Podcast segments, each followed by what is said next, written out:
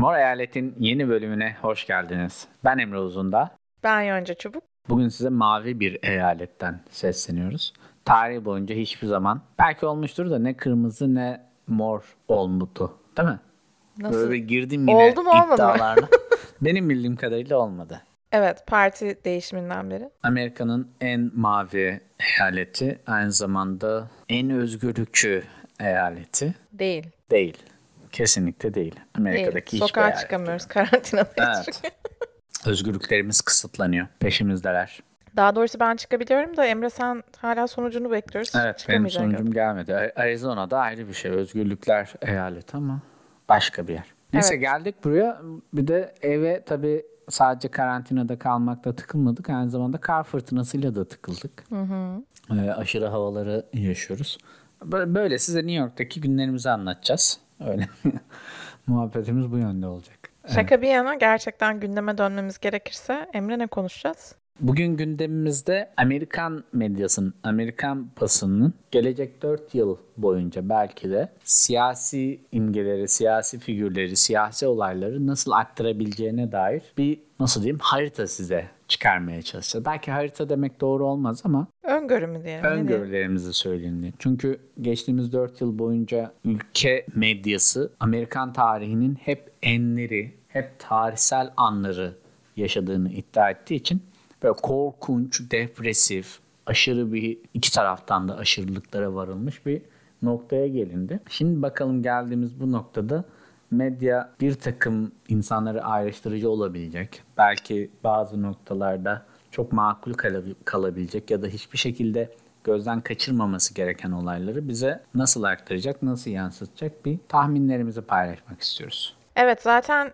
Türkiye'de yaşayan herhangi bir insanın da çok da yabancı olduğu konular değil bunlar. Biz de Türkiye'de herhangi bir iktidar değişimi olmadığı için son 20 yılda. Bu evet yok yok hayır yani medyanın istediğimiz- ne kadar saçma sapan bir noktaya geldiği, kimsenin Tabii. doğru haber peş ya haber diye bir şeyin olmaması sadece propaganda aracına dönüşmesi vesaire. Aynen. Ya orası öyle ama buradaki mesele daha çok iklime göre, rüzgara göre medyanın aldığı şeklin, medyanın dilinin, medyanın yöneliminin, medyanın anlattığı veya anlatmadığı, aktardığı ya da aktarmadığı şeylerin nasıl değişebileceğini konuşacağız. Evet, örnek vermek ister misin mesela? Bence güzel bir yerden girdin. E hayır işte şey var mesela bizim en büyük beklentilerimizden bir tanesi neydi? Biden ve Harris ikilisinin iktidara gelmesiyle birlikte özellikle yemin törenini yapmasıyla birlikte hava nasıl değişecekti? Daha iktidara gelmelerine gerek kalmadan Time dergisi yılın insanı ya da insanları seçti bu ikiliyi. Evet. Hani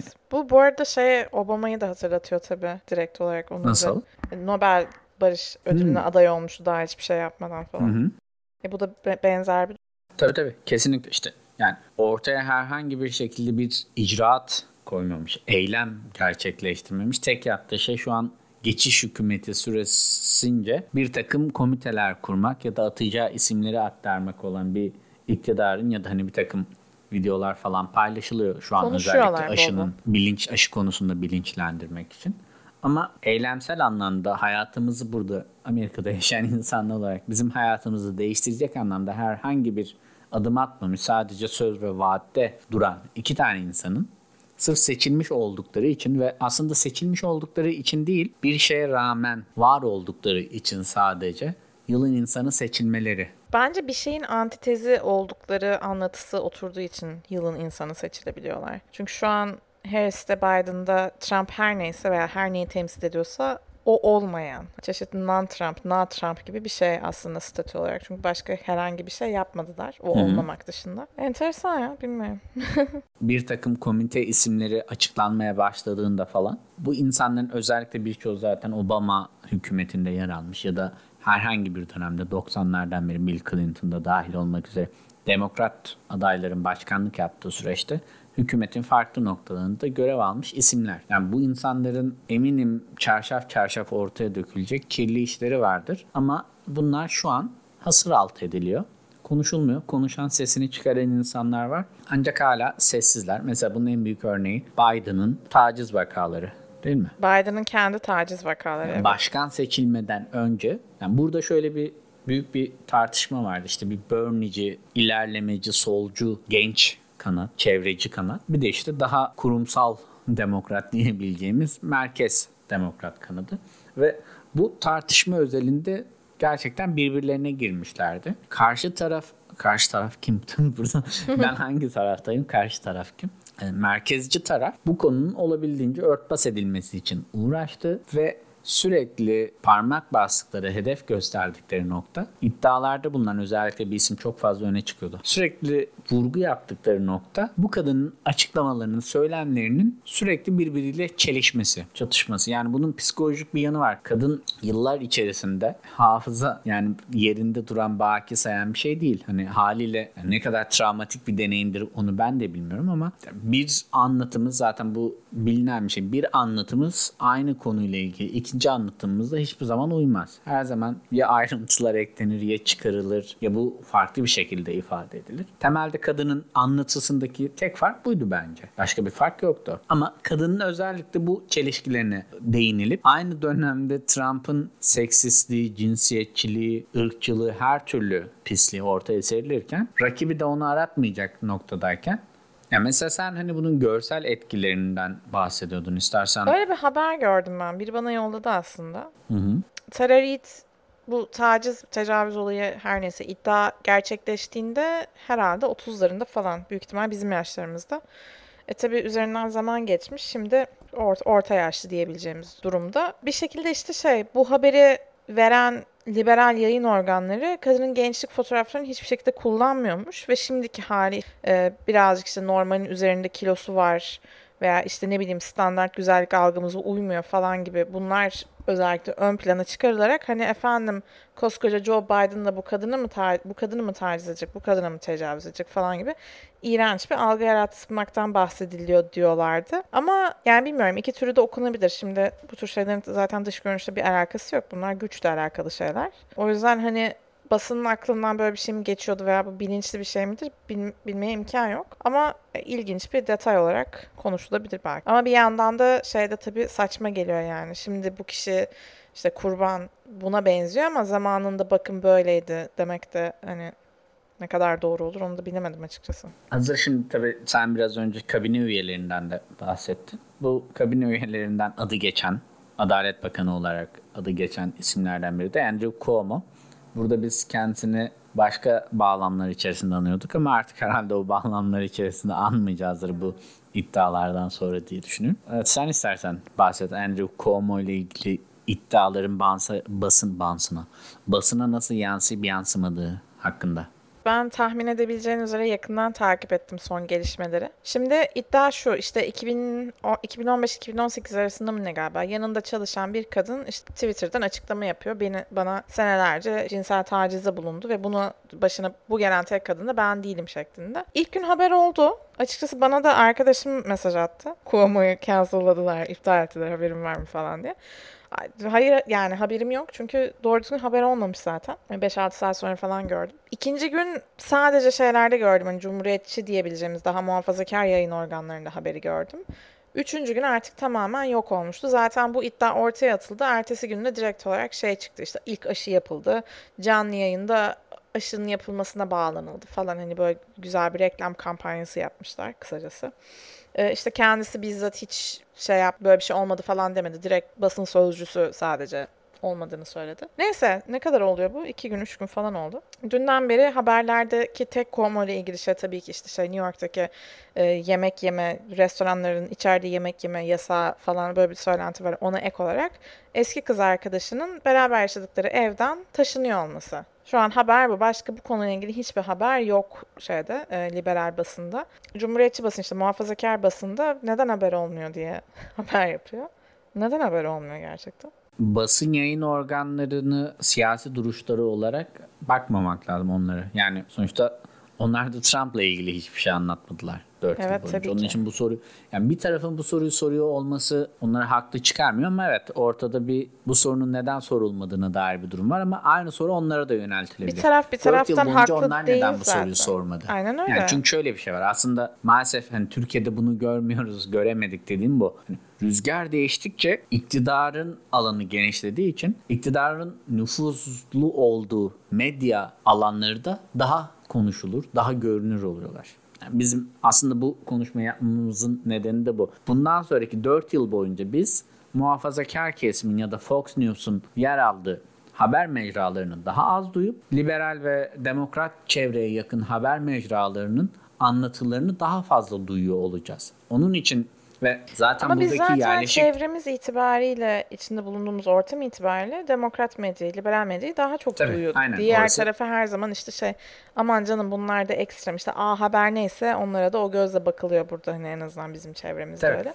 Orası- Ama günün sonunda or- demeye çalıştığım şey şu ikisi arasında bir fark yok. O nasıl Trump veya işte ne bileyim Cumhuriyetçi bir aday için ve herhangi bir siyasetçi için ortaya atılan bir iddiayı haber yapmıyorsa e bunlar da onu haber yapmıyor. Zaten bunu Hunter Biden'la da gördük. Kesinlikle aynen. Ya zaten şöyle olacak. Ortak çıkarlar var ve bu çıkarların hepsi birbirine bağlı çıkarlar. Hani yani dünyanın en temiz olmayan işlerinden bir tanesi gazetecilik. Yani gazeteciliği yapan insanları suçlayarak söylemiyorum bunu ama yani sizin yaptığınız işin editoryal bir şekilde sorgudan geçmesi bile Tek merkezci. Tabii. yani Merkeze aslında dönüştürmüş. tek merkezci değil. Yani mesela işte Washington Post'ta hani Jill Biden'a evde kadın yani şey evde Beyaz Saray'da doktor yoktur. Doktor dediğin tıpçı olmalıdır. Yazısını Büyük yazan bir adam. gerizekalılık gerçekten yani. Yani şey var. Şu O anlamda tek bence- merkezden bahsetmiyorum. Sentralize gazetecilikten bahsediyorum. Sonuçta bu yayın organlarının birçoğu belirli şirketlerin küçük yayın organları.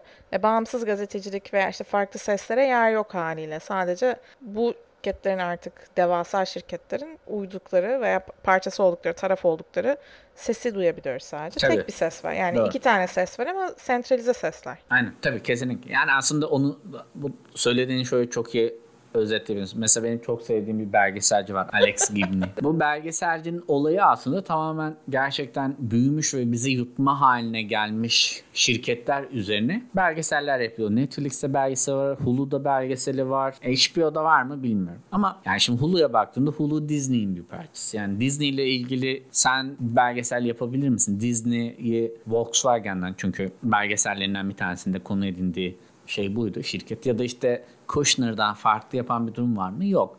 Nedir? Tek farklı yapan durum sana platform sağlıyor olması ve senin Kushner'a saldırman ya da işte onun herhangi bir şekilde yer almadığı bir otomotiv sektöründeki bir şirkete saldırman nedeniyle sana bu imkanı tanıyor. Yani gazetelerin, televizyon kanallarının artık bugün internet sitelerinin yaptığı şey de o.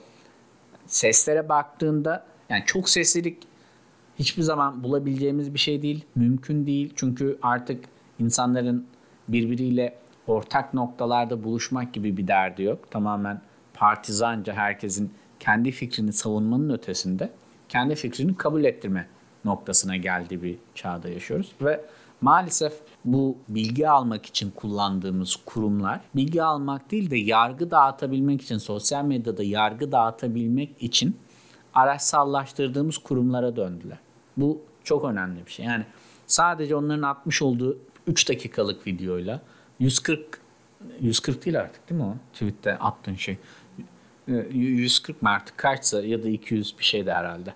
O kadar sayıda yazmış olduğun veya işte 4 tane zincir şeklinde atmış olduğun tweette yazdığın şeyle insanların yargı dağıtmak üzere kullandığı bir araca dönüştüler bunlar ve tehlike burada. Yani bir dönem iktidarla birlikte ana akım haline gelen grup ya da haber ve bilgi kanalı köşeye çekiliyor, itiliyor.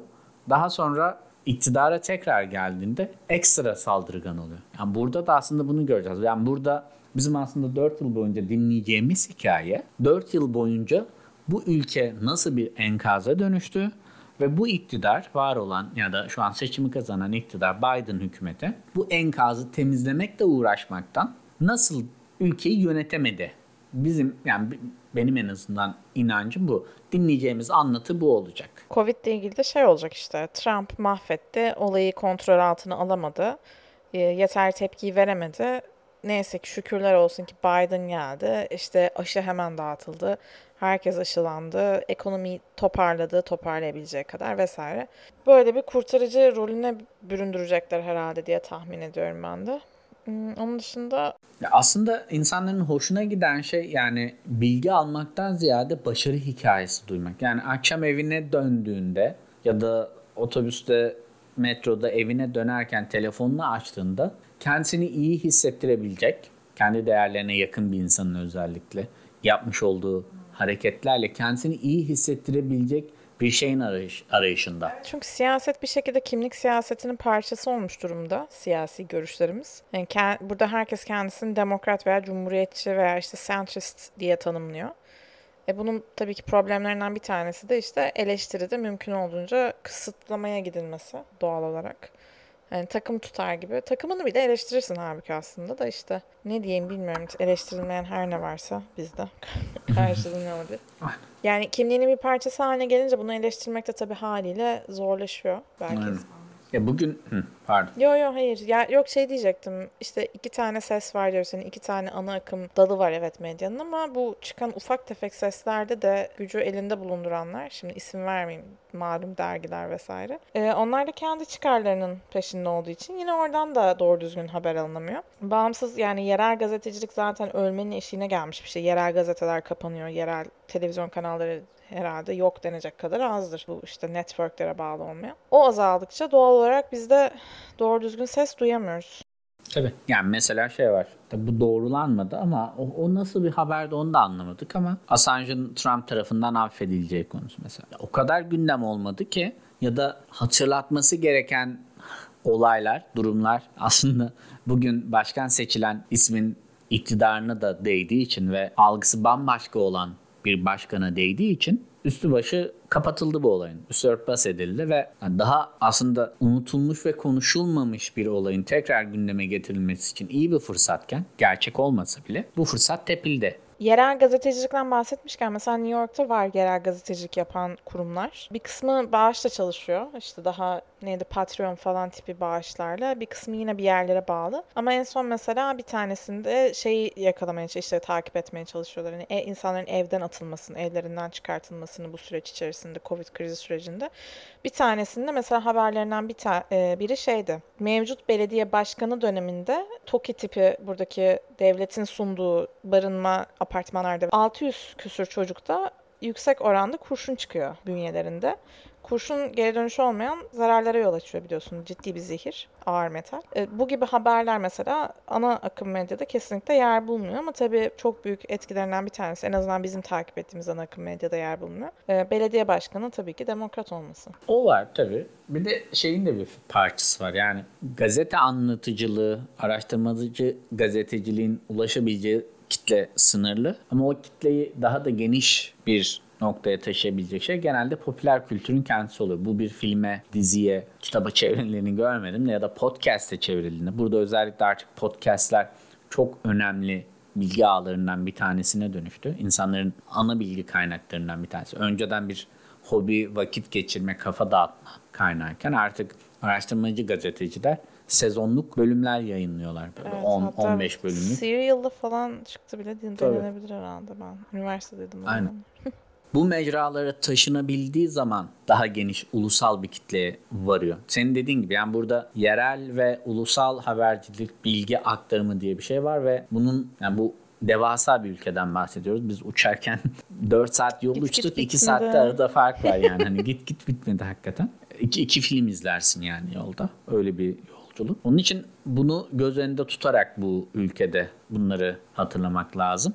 Ve zaten daha önce konuştuğumuz gibi hani eyaletlerin bireysel özgürlüğün öneminin bu ülkenin kuruluş değerlerinin ve bu değerlerin yaşanan tarihsel olaylarla birlikte pekişmesinin, azalmasının ve bölgelere göre bunların değişiminin önemleri var ve hani çok daha uzun bir konu. Günün sonunda genel bir tablo çıkarabiliyorsun ve çıkan genel tablo şu anlatılacak. Mesela biz bugün bir çeviri yaptık. Hani Ben influencer, yapmadım Emre yaptı. inf- influencer rolündeki insanları etkileyen Instagram'da hesapları olan Feno, kadınların feno. nasıl aşıyla ilgili, Covid ile ilgili işte neydi? K, KAnon mu? KAnon? QAnon. QAnon. QAnon'la ilgili bu şaiyaları, komploları yaydığıyla ilgili.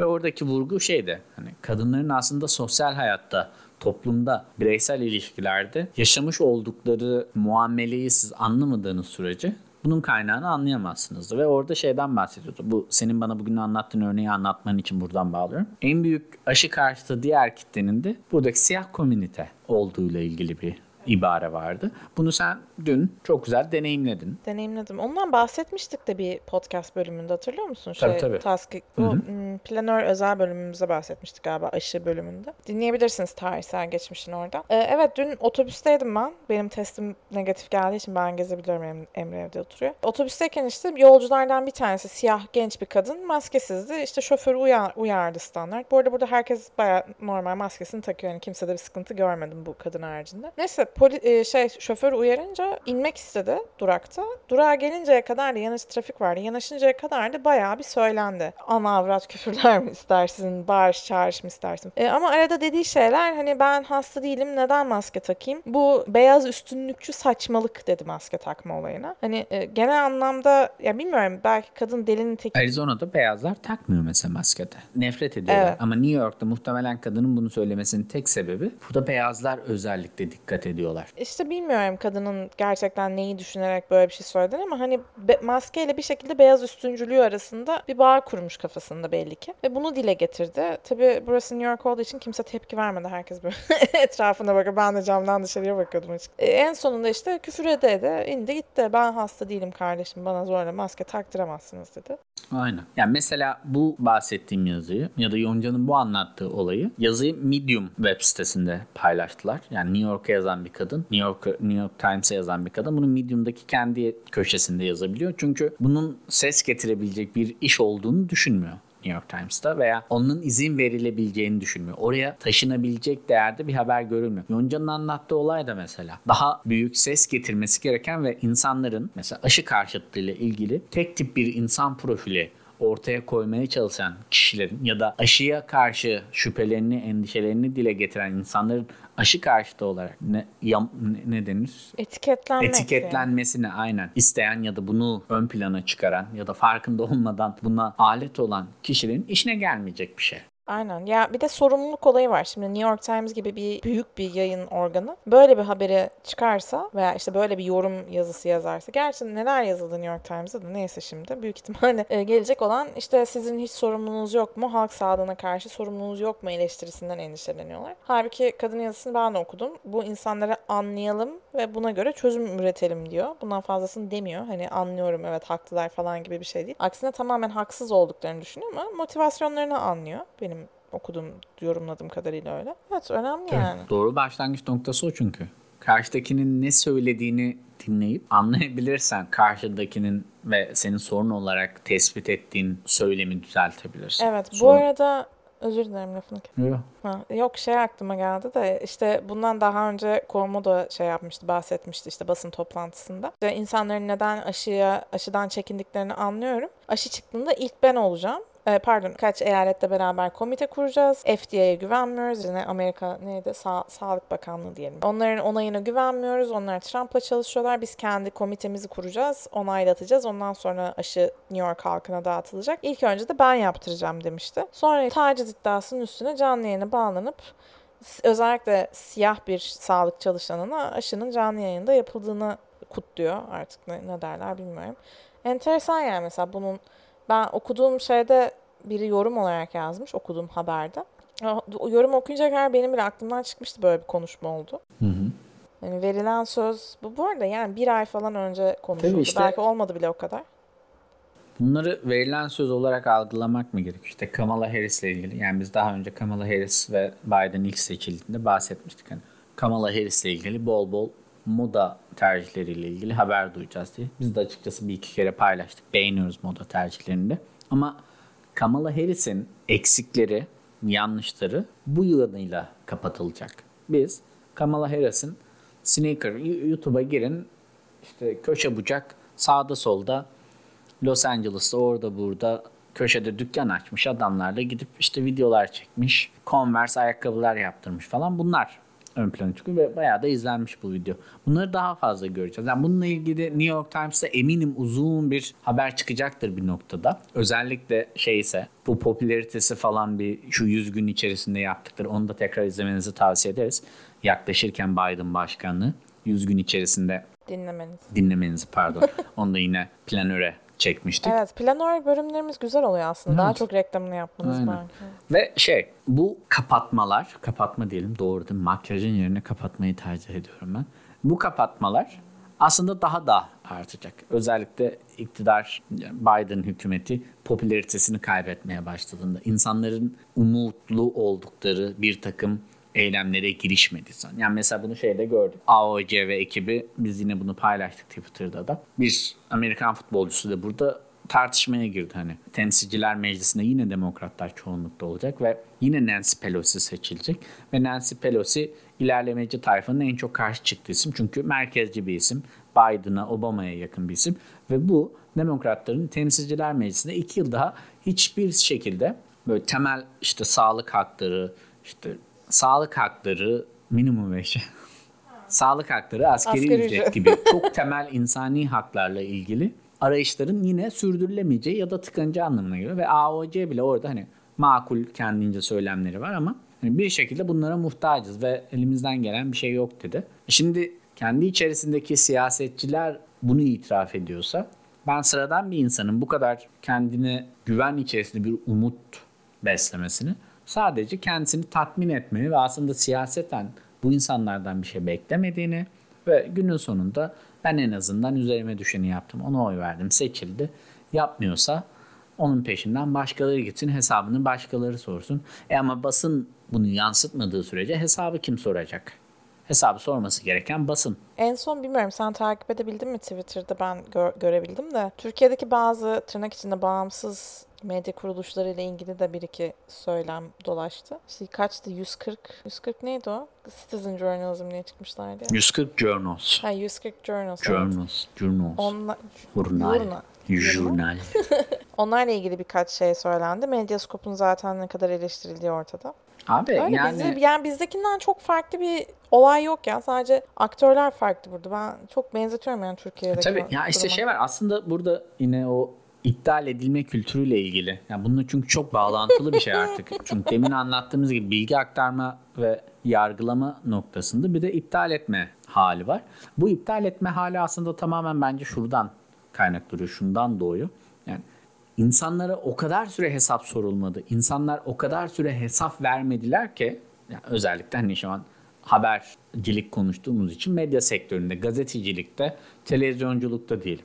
Bu insanlar o kadar yargılanmadılar. O kadar onlar düzeltilmedi ki bugün eleştiren de eleştiriyi alan da çünkü artık ifadenin kendisi de eleştiri değil de ben onu kullanıyorum. Eleştiren de eleştiriyi alanın da bir şeyi yok. Hani makul çerçevede konuşma hali yok. Onun için eleştiren saldıran oluyor, iptal eden oluyor. Eleştiriyi alan da iptal edilmeye çalışan saldırılan oluyor. Ve Tabii eleştiriyi alan kendine çok güzel bir kılıf bulmuş oluyor böylelikle. Mağdura yatıyor. aynen daha da onun işine geliyor. Ki açıkçası biz buna herhalde Amerikalılardan çok çok daha önce başladık Türkiye'de. Mağduriyet, mağduriyet, mağduriyet. Aman efendim bize böyle yaptılar, bize böyle dediler. Benim bacılarıma saldırdılar falan. Ee, iptal ya evet komik değil mi? Evet, Yani tabii e, bu- bu- bunun bir parçası yani. Bugün eğlendiğimiz, güldüğümüz, sevdiğimiz, hoşlandığımız, dinlemekten fikirlerine değer verdiğimiz insanlar. Bunlar hakkında iddialar vardır eminim bir yerlerde. Ama o sadece birinin cesaretlenmesi ya da birinin teşvik edilmesi ya da kendi bir teşvik bulmasıyla birlikte başlattığı bir harekete baş, bakıyor. Yani bugün Me Too hareketi ben de değil mi? Ben de hareket. Yani ben sinema sektörünün içerisinde bir insanım.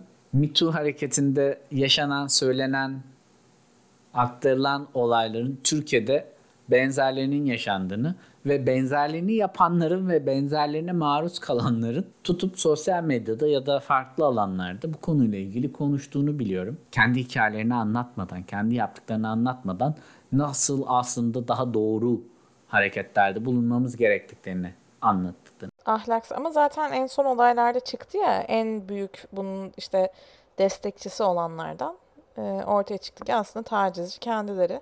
Tabii. E, Birçok insan da tabii işte ucu bana dokunmasın aman destek çıkayım falan diye o reflekse de yapıyor bunu. Tabii işte yani bunu işte anlattığım mesele bu. Bu bir kabul görüyor. Yani şey var bir takım otlar büyüyor fazla büyüyor tarlada. O otlar alınıyor. Diğerlerinin büyümesi bekleniyor. Yani girmişken bütün tarlayı temizleyelim. Merakı yok, derdi yok, zaten meramı yok. E kimsenin de zaten işine gelecek bir şeydi. Kimsenin Çünkü işine gelmiyor her zaman o zararlı otlarla birlikte diğerlerini de yoluyorsun ya da o toprağa tamamen zarar İşte harcanabilecek veriyorsun. kişiler var, harcanamayacak kişiler var. Tıpkı işte FETÖ'cülerde nasıl yani şu an hükümetin FETÖ diye peşinden gittiği insanlar tamam pekala ama kendi içerisinde olup da FETÖ'cü olup hiç dokunmadığı insanlar var. Ondan çok da farksız değil bence. Kendinden olanı yine bir şekilde veya Evet. işte üst rütbede olan bir şekilde kollanıyor, korunuyor. Kanser devam ediyor böyle de. Ya, muhtemelen hiç dinlemediğiniz, bilmediğiniz, duymadığınız bir şeyler söylemedik ama yani bizim buradaki beklentimiz gelecek 4 yıl boyunca anlatılacak şeyler bir takım başarısızlıkların üstünü örtmek üzere pembe rüyalar, pembe hayaller olacak. Bir takım göçmenlerin başarı hikayelerini duyacağız. Bir takım hastane çalışanlarının, doktorların, hemşirelerin ne bileyim ölümden dönme hikayelerini duyacağız. Eğer işte bizim daha önce hep anlattığımız gibi dış politika odaklı bir politika izlerse dış politikadaki savaş naralarını dinleyeceğiz. Ama günün sonunda bu hükümeti seçtiren nedir bu? Seksizme karşı, temel insan haklarını savunan. Bunlar arasında nedir? Barınma hakkı olsun, karnını doyursun, askeri ücret kazanabilsin, iş bulabilsin, herhangi bir şekilde iş bulabilirken İyi birer tüketici olabilsin. sahip olduğu hayır hayır dur sahip olduğu kimlik yüzünden hiçbir şekilde ayrımcılığa uğramasın insanlar diyen insanlar bu hikayeler anlatılınca tamamen gözlerini yumacak ve dediğim gibi o pembe masalları hikayeleri dinleyecekler ki içleri rahat uyuyabilsin. Evet, benim dediğime niye hayır dedim bilmiyorum. Gayet makuldü. Ne dedin sen? İyi birer tüketici olabilsinler diye düşünen insanlar. Hayır bu ha belki evet olabilir. Bu arada şey söyleyeceğim. e, kapa- kapatalım onunla da çünkü 40 dakikaya yaklaştık. Aslında olan biten şey işte iptal kültürüydü. Ne bileyim hani post truth işte fake news bu akımlar şunlar bunlar. Aslında bir bakım herhalde önümüzdeki 4 sene boyunca da bol bol duyacağız bunları. Özellikle sosyal medyanın artık kontrol edilemez noktaya gelmesiyle beraber. Aslında tabii her ne kadar kötü tarafları olsa da çok felakete felaket boyutuna varacak tarafları olsa da bir anlamda da elit kişilerin işte bize haber veren bilgi üreticisi kişilerin, gazeteciler olsun, akademisyenler olsun veya işte ne bileyim siyasetçiler, belki PR'cılar şunlar bunlar. e, bu insanların tabii ki de bu gücü, bu tekeli kaybetmelerinden doğan da bir aynı zamanda anksiyetenin sonucu bu iptal kültürünün çok büyük bir parçası ve ona bağlıyorum açıkçası. Çünkü artık sadece tek bir bilgiye bağlı değiliz. Tek bir kaynaktan gelen bilgiye ba- bağlı değiliz. Diğer bilgi kaynakları da eşit derecede ciddiye alınmaya başlandı ve bu bayağı bir insanda, bayağı bayağı bir insanda korku yaratıyor. Çünkü dediğin gibi gazeteciler genelde hiçbir şey için hesap vermediler şu ana kadar. Ve yine Türkiye'den bahsedeceğim çünkü bence çok önemli bir konu.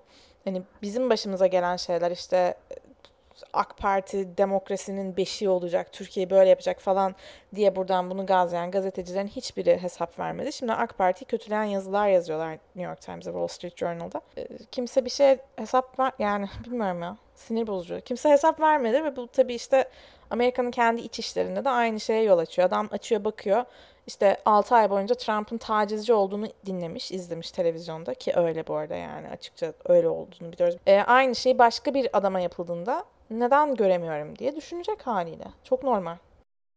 Aynen öyle. Kesinlikle. Güzel. Güzel bir bitiriş oldu bu. Bunlar işte hepimizin kafasının kurcalayacak şeyler olacak. Önümüzdeki hafta tekrar görüşmek üzere. Biz dinlediğiniz için teşekkür ederiz. Teşekkürler. Artık geri döndük evet haftaya. Görüşmek üzere. Hoşçakalın. Hoşçakalın.